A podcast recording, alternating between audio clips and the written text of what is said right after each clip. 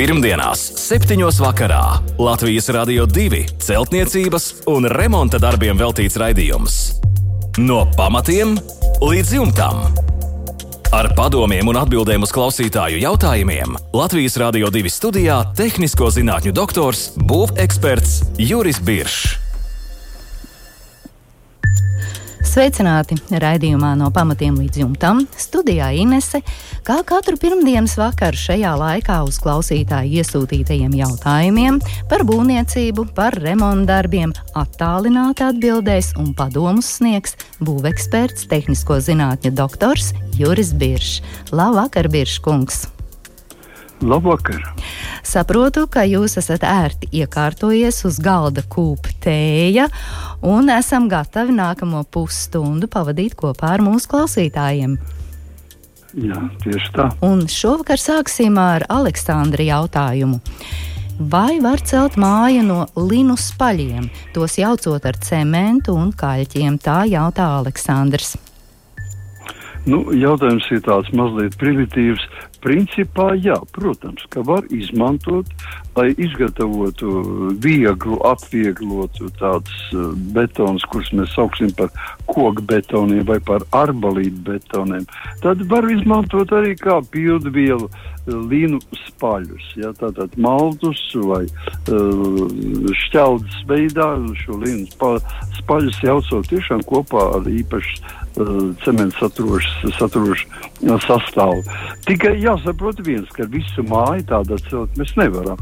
Tādā mums būs koka karkas vai kāds cits dzelbetona karkas vai, nu, nu, jebkurā gadījumā kāda karkas ēka, un tad mēs varam šīs sienas pildīt ar šāda tipa monolītu pildījumu vai ar mm, teiksim, sīkbloku pildījumu. Mēs varam izgatavot sīkblokus un pildīt. Tā kā šis materiāls ir ļoti iesakāms, tas ir elpojošs, ļoti labs, dabisks materiāls, bet jāsaprot, ka ar to vien ir par maz, lai uzceltu. Runa iet, protams, par vienu stāvu māju. Nu jā, protams, daudz stāvu māju, diez vai no šāda materiāla mums nu, izdosies nu, uzcelt. Daudz stāvu mājā, nē, nē, daudz stāvu mājā, ja tā ir kārkas māja, tad lūdzu, kā pildu materiālu viņi var, bet nu tad visus stāvus nes uh, dzelbetonu vai koka karkas. Un tā tad tas ir iespējams. Arī šāds uh, Jā. būvniecības paņēmiens ir Jā. iespējams. Un, protams, protams, kā jūs teicāt, ekoloģiski un, un, un dabīgi materiāli. Paldies par Jā. atbildi Aleksandram. Nākamā vēstule mums ir no Zigmunda, un Zigmunds raksta, ar ko būtu pareizāk siltināt dzīvojamo telpu no iekšpuses. Ja no ārpuses ir nosiltināta ar vati, bet nepietiekamā biezumā, vai var siltināt ar putu plastu, vai tomēr labāk būtu ar skaitbetonu plāksnēm? Jā, nu šeit jautājums ir uh, daudz aktuālāks kā pirmais, šai gadījumā noteikti daudz cilvēku tas interesēs, un tas mums ir mazliet jāizpēta savādāk. Jo, redziet, uh, tas, kad ārpusi mēs esam pieraduši jau, ka vajag māju siltināt vienmēr no ārpuses. Un no ārpuses tiešām, jā, minerālā vata, dotajā gadījumā, teiksim, akmens vata ir brīnišķīgs materiāls.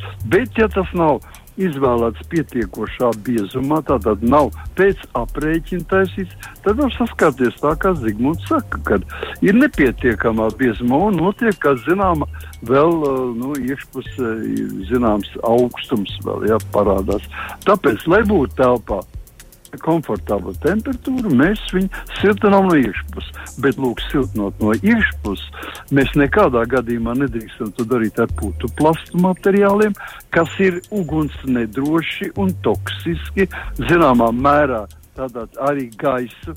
Gaisā izplatās šīs indīgās vielas, tāpēc nu, nepakļausim sevi liekam riskam. Ja?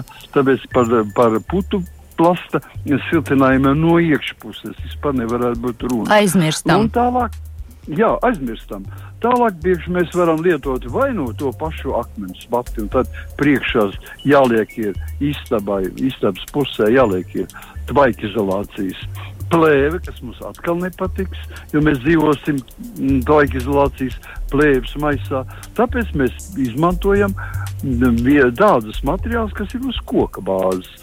Un nu, tā kā Zigmunds saka, viņš labāk tātad mm, siltināt ar skaitbetonu plāksnēm, to var darīt, bet tas būs diezgan pietiekoši biezas jāizņem, jo skaitbetons ir samērā blīvs materiāls un ne tik labs siltumizolācijas materiāls.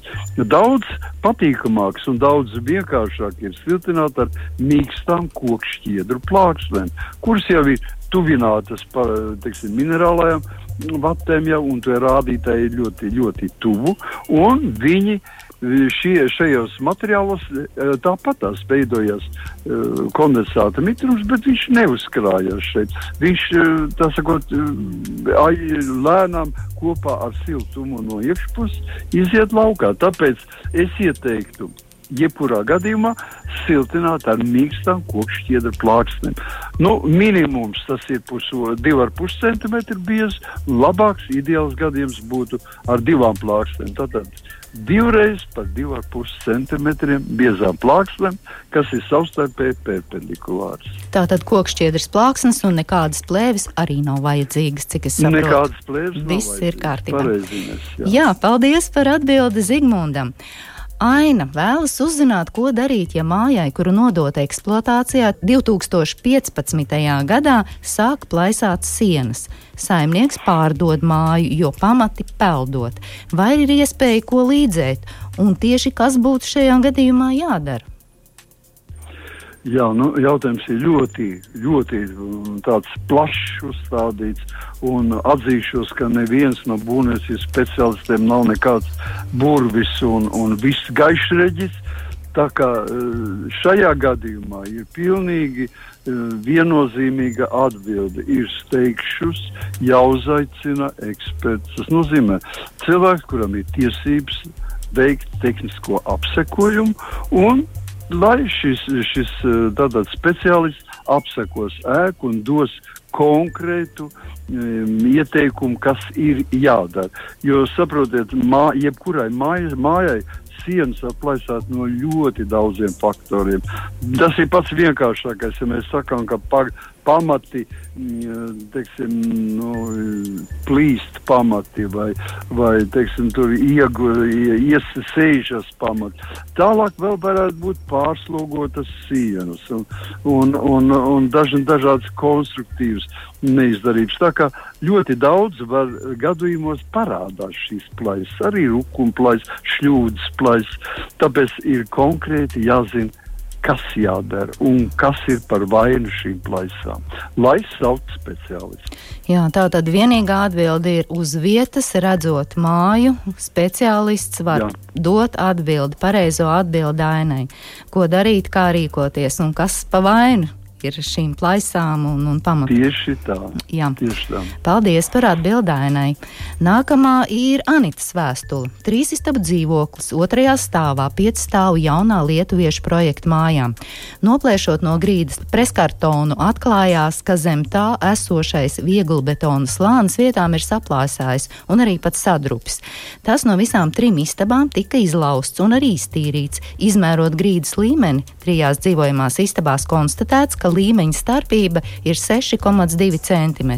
Un jautājums, kāds būtu ieteicamākais grīdas izlīdzināšanas paņēmiens ar zemākajiem telpu augstuma zudumiem un arī maksimālāko skaņas slāpēšanas efektu. Un Anita turpina saņēmām ieteikumu veikt izlīdzināšanu divos piegājienos. Pirmais - pielīdzināt vietas, kur ir lielākais līmeņa kritums ar kolonu betona un keramzīta maisījumu, otrais - izlīdzināt visu ar vienu centimetru grīdu izlīdzinošo masu. Un tur tālāk arī par betonēšanu ir laikam sniegti padomi. Jā.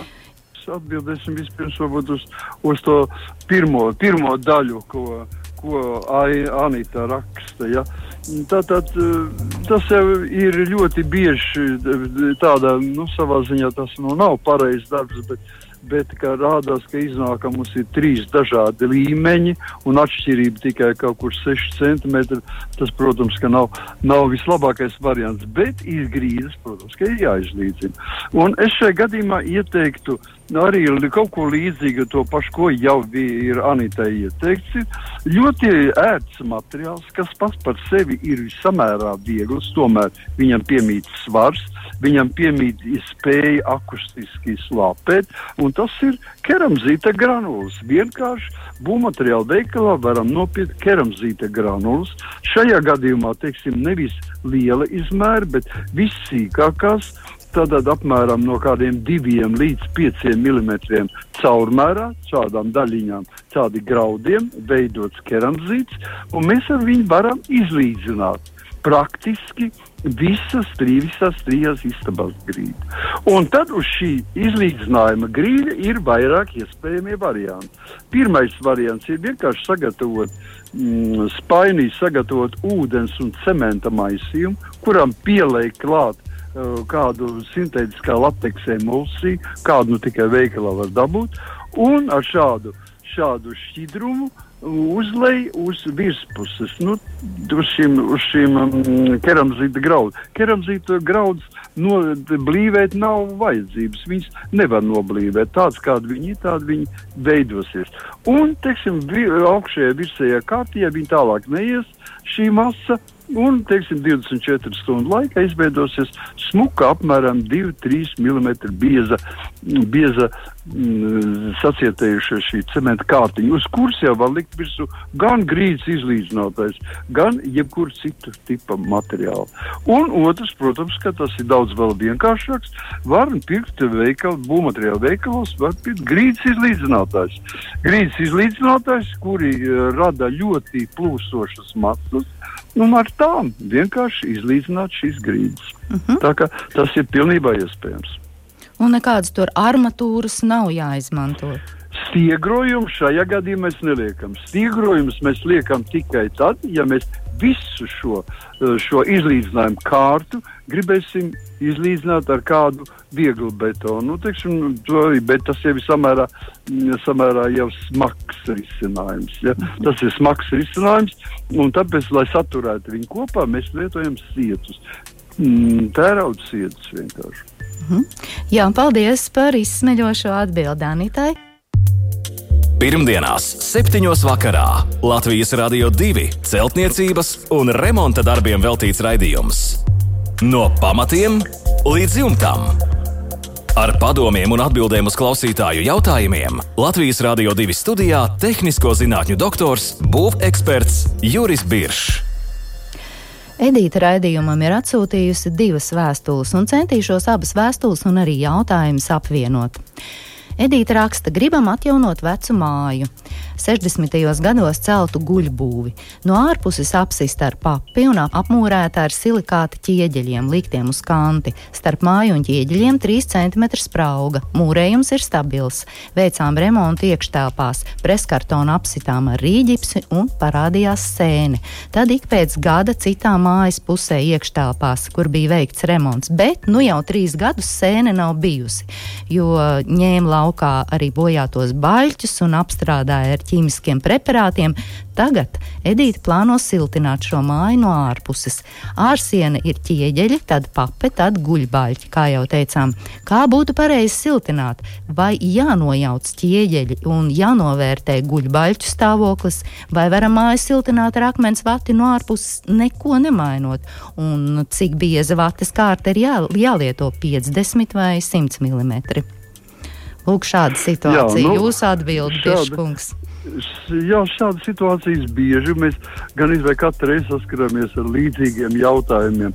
Ja redziet, lietas būtība ir ļoti, ļoti tāda, šeit ir vairāki zīmīgi punkti. Ja?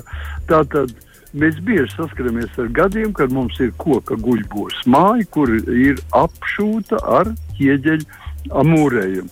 Un visiem ir pilnīgi skaidrs, ka starp ķieģeli un koku nevar būt absolūta sasaiste. Tad, tad tur veidojas neliela sprauga. Kā šajā gadījumā, kā to novērtē Edīte, 3 cm sprauga veidojas. Un tad mums visiem ir jāsaprot, ka šādi siltināt šādu māju nekad nedrīkst no ārpuses, ja atstājam šo 3 cm spraugu. Tātad, lai tas ir pretī Latvijas būvnormatīvām 002, 19 kurš pieprasa 25. punktā šādas likvidēt visas neventilējamas gaisa spraugas, ieslēgums un tukšums. Viņas viss ir jāizpild. Un tāpēc, ja jūs gribat, un Edīte grib siltināt māju, tad vispirms tiek piepildīta šī sprauga. Kā jau Edīte teica, ka mūrējums ir stabils, Tas nozīmē, ka tur vairāk nav ko pārbaudīt. Šis mūrējumam tiešām jābūt stabilam. Viņš nedrīkst šūpoties. Pēc tam mēs saucam ārā brigādi, un brigādi jums piepūš šo spraugu, šo 3 cm spraugu, piemēram, piepūšot Rigiperu 0,35. Tas ir tādas mazas uzpūstas, melnā krāsā krāsotas putu polistirola oliņas, tādas bumbiņas 2-3 mm diametrā un kas ir ārkārtīgi viegls un lielisks siltumizolācijas materiāls. Piepūšot, teiksim, pusotras, nu, teiksim, maksimums stundas, pusotras stundas laikā, ja piepūšot mājā, lūk, ar mājas sienā šo spraugu, mēs māju esam jau siltinājuši. Es pat ieteiktu gadu nodzīvot šajā šādā, pie šādas uh, siltinājuma. Ja tomēr izrādīsies, ka nav pietiekoši, tad mēs varam no ārpuses klāt jebkurā biezumā. Jebkurā daudzumā, eh, teiksim, siltumizolācijas materiālu. Tad būs reāli teiksim, izlietot no teiksim, 50 mm. Šodien, kad ir vēl sprauga, mēs nevaram klāt ne ar kādu materiālu. Ja? Uh mhm. -huh. Tāpēc tas ir ļoti, ļoti būtisks. Kāpēc parādījās sēne? Tāpēc, ka bija šī tukšā vieta. Viņā sakrājās mitrums, un mitrums laužās uz iekšpusi, un tas parādās šī pelējuma sēne. Ja? Tāpēc, lai viņa nebūtu, viņa tagad jau māja ir apdzīvota vairākus gadus, kā saka, nerādās šī sēne, jo māja ir pietiekoši savs. Bet tik un tā mitrums atgriezīsies tukšajā vietā. Tāpēc piepūšam šo spraugu. Tas ir risinājums. Tas ir pirmais darbs, un pēc tam jau seko Jā. nākamie darbi. Tā tad jāpiepūš sprauga, jāpadzīvo pāris gadus un jāpavēro, kā viss process Jā. norit. Paldies par atbildēdītei. Kaspars raksta, demontējot koka grīdu, secinājām, ka zem virtuves telpas ir 10 kvadrātmetru pagrabs. Zem koka grīdas bija monolīta betona pagraba pārsegums, bet laika gaitā sairis un arī iebruka. Betona pārsegums iebetonēts starp metāla sijām. 100 mm metāla sijām tērauda. Šīs sijas plānojam saglabāt, un jautājums uz sijām plānojam uzlikt bezdalīgās metāla profila plāksnes, uz tām veidot estri grīdu. Ir doma no apakšas nosiltināt šo metāla profilu, lai siltums neiet uz pagrabu. Kādu siltumizolācijas materiālu labāk izvēlēties, jautā Kaspars, vai kādā no mm, sāniem arī jāliek ir folijas slānis? Nu, jā, jautājums ir eh, ļoti labs. Un, eh, es varu apsveikt eh, Kasparu par to, ka šāda mm, gaisa nu, teiksim, noslēgta telpa ir atklāta. Tas arī ir mitruma savākšana. Ja? Tur neelpojuši, nav ventilācijas, kas visu laiku ir. Tāpēc arī šis pārsegums, pagraba pārsegums iebruka. Viņš vienkārši no mitruma tika sagrauts. Pareizais, uzskatu, ka ir pareizs risinājums. Atstāj, ja ir pietiekoši spēcīgs šīs metāla sijas, 100 mm, klājam virsū bezdalīgās metāla profilu, iegādājamies to būvmateriālu veikalos, un uz viņa, kas jau ir tātad plākšņa veida materiāls, uz viņa mēs varam iebetonēt teiksim, šos 18 mm, cik tā bezdalīga astes metāla profils ir augsts Bet tālāk es ieteiktu likt tomēr siltumizolācijas materiālu un nevis no apakšas likt, bet likt tieši virsū. Tātad iebetonējam, pēc tam liekam siltumizolācijas materiālu, piemēram, 50 mm putu ekstrudēta putu polistirolu, un uz viņas mēs varam organizēt uh, apsildāmo grīdu vai arī, teiksim, sākumā tikai šo siltināto grīdu. Tātad, kā dažādu plāķu materiāla grīdu. Uh, viss, man liekas, nekā vairāk nav tāda. Jā, paldies par atbildi Kasparam. Jautā klausītājs. Un nākamais klausītājs, kurš mums ir atsūtījis savu vēstuli, ir Toms. Un Toms ir pievienojis arī vairākus fotoattēlus. Toms raksta, guļbūve nav bijusi apdzīvota kādus 4-5 gadus. Vienā mājas pusē grīdas ir pilnībā sapuvušas, otrā mājas pusē ir samērā labā stāvoklī. Mājai nav pagraba. Plānojam pilnībā restaurēt māju, izņemt ārā vecās grīdas un vēlos dzirdēt jūsu ieteikumus, raksta Toms Birškungs, lai nepieļautu kļūdas. Ļoti pareizs lēmums. Ar ko jūs ieteiktu sākt senas guļbūvas restaurāciju? Šāds ir pirmais jautājums. Ar ko sākt? Nu, Ar ko sākt? Jūs redzējāt fototēlus. Skaisti. Fototēli māja. ir skaisti un, un ēka ir uh, glābjama, par to nav ne mazāko sarunu. Protams, ir savas problēmas. Milzīga laiduma, tātad klāja jumta slīpnes, ēka ir gara. Nu, vismaz savi, gan teiksim, 20 metru garumā, un, uh, un milzīgas jumta plaknes, uz kurām ir uh, asbests cementa plātnes. Tātad tas ir pirmais jautājums, kas jau nav pietiekoši labs. Tas ir pamatīgs finansiāls jautājums. Vispār jumts ir samērā. Pēc foto uzņēmuma redzams, ka jums ir samērā nelielā, nelielā lielumā, kaut kur mazliet iesēdies, bet principā viņš ir nu, saglabājams. Tātad būtu jātīra un jākrāso. Ir speciāla krāsa, uh, teiksim, es to tagad pašreiz momentā jums ne no galvas nepateikšu, bet ir speciāla krāsa, ar kuras palīdzību var at attīrīt asbestu cementu jumtu. Krāsot, un tad šo materiālu var lietot vēl vismaz nu, līdz viņa nolietojumam. Ja? Tad nebūs jābaidās par to, ka jūs lietojat aizliegtu materiālu. Jo uz šodienu asbestu cementu plāksne skaitās toksisks materiāls. Mhm. Tas būtu viens no pirmiem darbiem, kas jādara. Otrs, kas krīt uzreiz acīs, tie ir pamati. Ja? Kā jau vienmēr, katrā mājā labs, pareizs jumts, labi pamati, pārējais nav tik svarīgi. Un tātad pamatiem. Bet, lai tiktu klāt pie pamatiem, mājai rīķi gar logu apakšā, gan palodas līmenī iet tāda dzega. Un šī no dzegas uz leju ir vertikāli dēlīši kuri nosedz teiksim, to guļbūves pam, pamatu daļu. Daļai vietām viņi vajadzētu atsekt un paskatīties, kādā situācijā, kādā stāvoklī ir ēka. Un kādā stāvoklī ir šis koka um, vainags, viņš, vai viņš ir jāatjauno, tas ir ļoti svarīgi. Tas pats, kas attiecās uz gala sienām, tad gala sienā, kura ir ar, ar koka tā, teiksim, guļ, guļbaļķu variantā tur viss ir labi, bet uh, tur, kur ir apšūts ar papi, apšūts ar bruberoidu vai ar papi, tur ir jānoņem šī pape nost un jā, jāiegūst reāls skatījums uz koku. Kādā stāvoklī ir koks. Tikai tad var pieņemt pareizu reizi.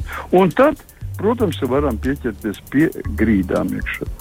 Grīdas ar tāpat, pat cik pagrabu nav, grīdas ir uz grunts.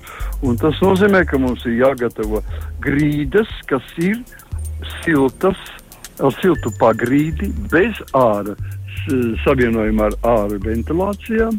Jāveido tātad, nu, pamatā tas nozīmē mm, šķembu, blietētu šķembu grīdas, kurām liek virsū tvaikizolācijas plēvi, liek siltinājuma kārtu un veido plātņu grīdu. Tas ir divos vārdos par visu, ko. Nu, ļoti, Liekas, ļoti, ļoti, ļoti daudz darba ir tomam katrā ziņā. Jā, Bet man raugoties jā. uz šiem attēliem, tomēr radās iespējas, ka vajadzētu arī būvekspertu viedokli. Māja ir liela un sena un ļoti interesanta un liela koku tūmā, ka tomēr vajadzētu uzmest aci šai mājai. Jā, nu par to nav šaubu. Par to nav šaubu. Ja mēs gribam kārtīgi šo māju renovēt, tad arī jumta konstrukcija prasīs ieteikumus, kādi droši vien tas ir jāredz, kādi krēsli jāpārbūvē vai jā, jāapmaina koki. Tāpat tas arī, arī uh, grīdām. Uh, kāpēc, kāpēc puses no mājas pūst grīdas, un otrā pusē nepūst? Tam ir savs pamatojums.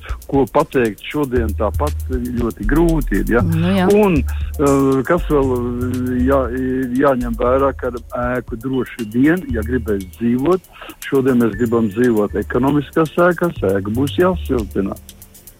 Jā. Paldies par atbildēm Tomam! Daiga mums raksta, dzīvoklī čīkstoša dēļu grīda, uz kuras uzsists preskartons. Remonts dzīvoklī nav bijis. Kādi būtu jūsu ieteikumi, Biržs kungs, lai novērstu šo kaitinošo čīkstēšanu? Daigai ir doma likt laminātu, bet ko vajadzētu izdarīt vispirms, pirms tam? Jā, no čīkstoša grīda nekad nav bijusi laba, nav patīkama. Mums visiem jāsaprot, ka čīksto, čīkstoņu rada koka elementu berzēšanas vienam pret otru. Tad, tad tas nozīmē, ka ir atsevišķas vietas, kur ir, kā saka, lufte, kur koks staigā viņa, viņa novirzīšanās vienam dēlītim starp otru. Ja? Un tad, tad, tad veidojas lūk, šī čirstošā nepatīkamā skaņa. Lai tāda neveidotos, es ieteiktu no, noņemt preskartonu un kārtīgi visu grīdu nu, kontrolēt. Tas nozīmē, ka mēs jebkurā vietā, kurā parādās mazākais kustība vai čīkstoņa, mēs iedzenām vai nu no slīpi iedzeram liela gara izmēra naglu vai skrūvi, kamēr šī, šī, šī skaņa pazūd. Tas praktiski sakot, mēs grīdi izveidojam daudz nelīdzenāk, kā viņa ir, bet mēs izveidojam viņu bez čīkstoņas. Ja mēs saslēdzam visus gabaliņus it kā vienā kopu, kopumā, tad mēs varam pēc tam šo grīdu līdzināt un tālāk liekam visu mm, laminātu. Un tātad šis preskartons ir jāatstāj. Vienkārši caur, caur to kartonu ir jāsit. Preskartons ir jāatstāj. Pres, nē, preskartonu mēs ņemam, ņemam nost. Mm -hmm. Ņemam nost. Mēs neredzēsim, kā kustās koka grīda, dēļu grīda. Mm -hmm. Tātad mums ir jānoņem nost, un mēs pilnībā apstrādājam, teiksim, saskrūvējam grīdu tā, gan izvērst skrūvi pie skrūves, lai nekur nekas nekustētu. Stabilitāte radām. Bez šaubām, mm -hmm. bez šaubām kaut kur parādīsies nelīdzenums. Un šos nelīdzenumus var pēc tam līdzināt gan ar keramzītu, gan ar speciālām mastikām. To var izlīdzināt. Un tad liek virsū attiecīgu, attiecīgu teiksim, tur, nu, pamatnes klātni un uz šīs klātnes klāja virsū laminātu. Jā, paldies, Biržkungs. Viss, viss arī man ir skaidrs. Un nākamā mums ir Paula vēstule. Dzīvoju pirmajā stāvā, Pauls raksta, siltinātā ķieģeļēkā. Ārējā palodze 1,7 metru augstumā no ielas. Zem dzīvokļa vēdināms pagrabs. Māja nesen tika renovēta. Iepriekš pirms renovācijas pagrabā nebija ventilācijas, un uz ķieģeļu sienas, kas atrodas starp manu un kaimiņu dzīvokli, ir uzkrājusies sāls, nu, tādi balti izsvīdumi, kā var saprast. Sienā tīrīta no šī sāls izsvīduma, skābes palīdzību un vēlās Pauls šo sienu nolakot. Pagrabs tagad ir veidināms, bet viņš baidās, ka lakojot sienu uzreiz ar laiku var rasties ūdens burbuļi.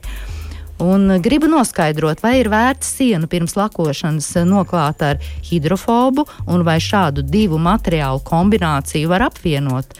Un laku Pauls ir izvēlējies, lai no sienas nenāktu putekļi. Jā, nu, šeit ir vesela strī, strīpa dažādu jautājumu, kuros es saprotu, ka Pauls nav būvnieks un viņš mēģina ar savu loģiskos domāšanas veidu tikt no šiem nepatīkamām lietām laukā. Protams, ja pagrabs ir savests kārtībā, tad sienu mitrums uzlabosies. Tas, tas Baltijas izsālījums, kas parādījās uz starpsienas, ķieģeļa starpsiedi. Ja, tas rāda, norāda to, ka bijusi pagrabā liels mitrums, un šī mitrums uh, dodas uz siltumu pusi. Protams, kad starpsiena atrodas siltajā, nu, virs, virs, virs pārseguma siltajā pusē, un tur uzrādās šīs izsālījums.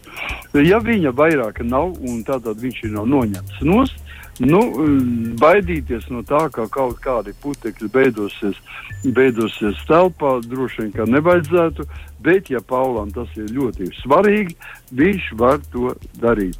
Jautājums ir tikai viens. Kāpēc būtu vajadzīgs hidrofobs? Hidrofobs nav vajadzīgs. Hidrofobu lieto tad, ja mums ir jāaizsargājas no vaļēja ūdens, no pilienveida ūdens. Es ceru, ka Pauls uz sienu ūdeni nelies jo tad vajadzētu klāt visu, uzklāt šo hidrofobus.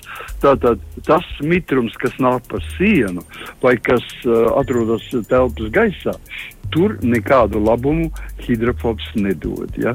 Tātad, lai mēs katrā gadījumā nu, izolētu šo sienu no, no, no, no visādiem putekļiem, kas varētu nākt no viņiem, un, un dažādiem uh, mitrumiem, kas varētu nākt. Pietiek sienu gruntēt. Vienkārši ir speciāls hidroizolācija gruntis, ar kurām mēs gruntējam šo virsmu un panākam to efektu, ko gribam. Ja Pauls grib laku, lai būtu laka, tikai ne par mitru. Tātad sienai vispirms ir jāizžūst.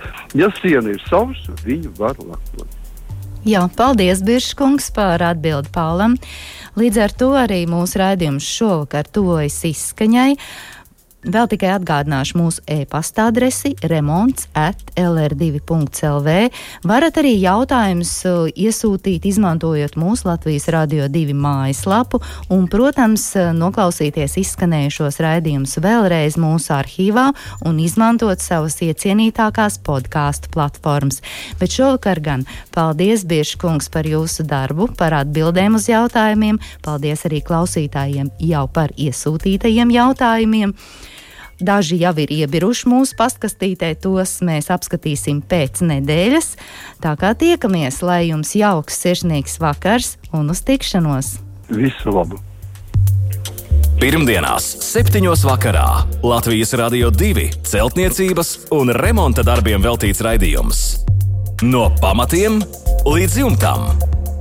Ar padomiem un atbildēm uz klausītāju jautājumiem Latvijas Rādio 2 studijā - tehnisko zinātņu doktors, būveksperts Juris Biršs.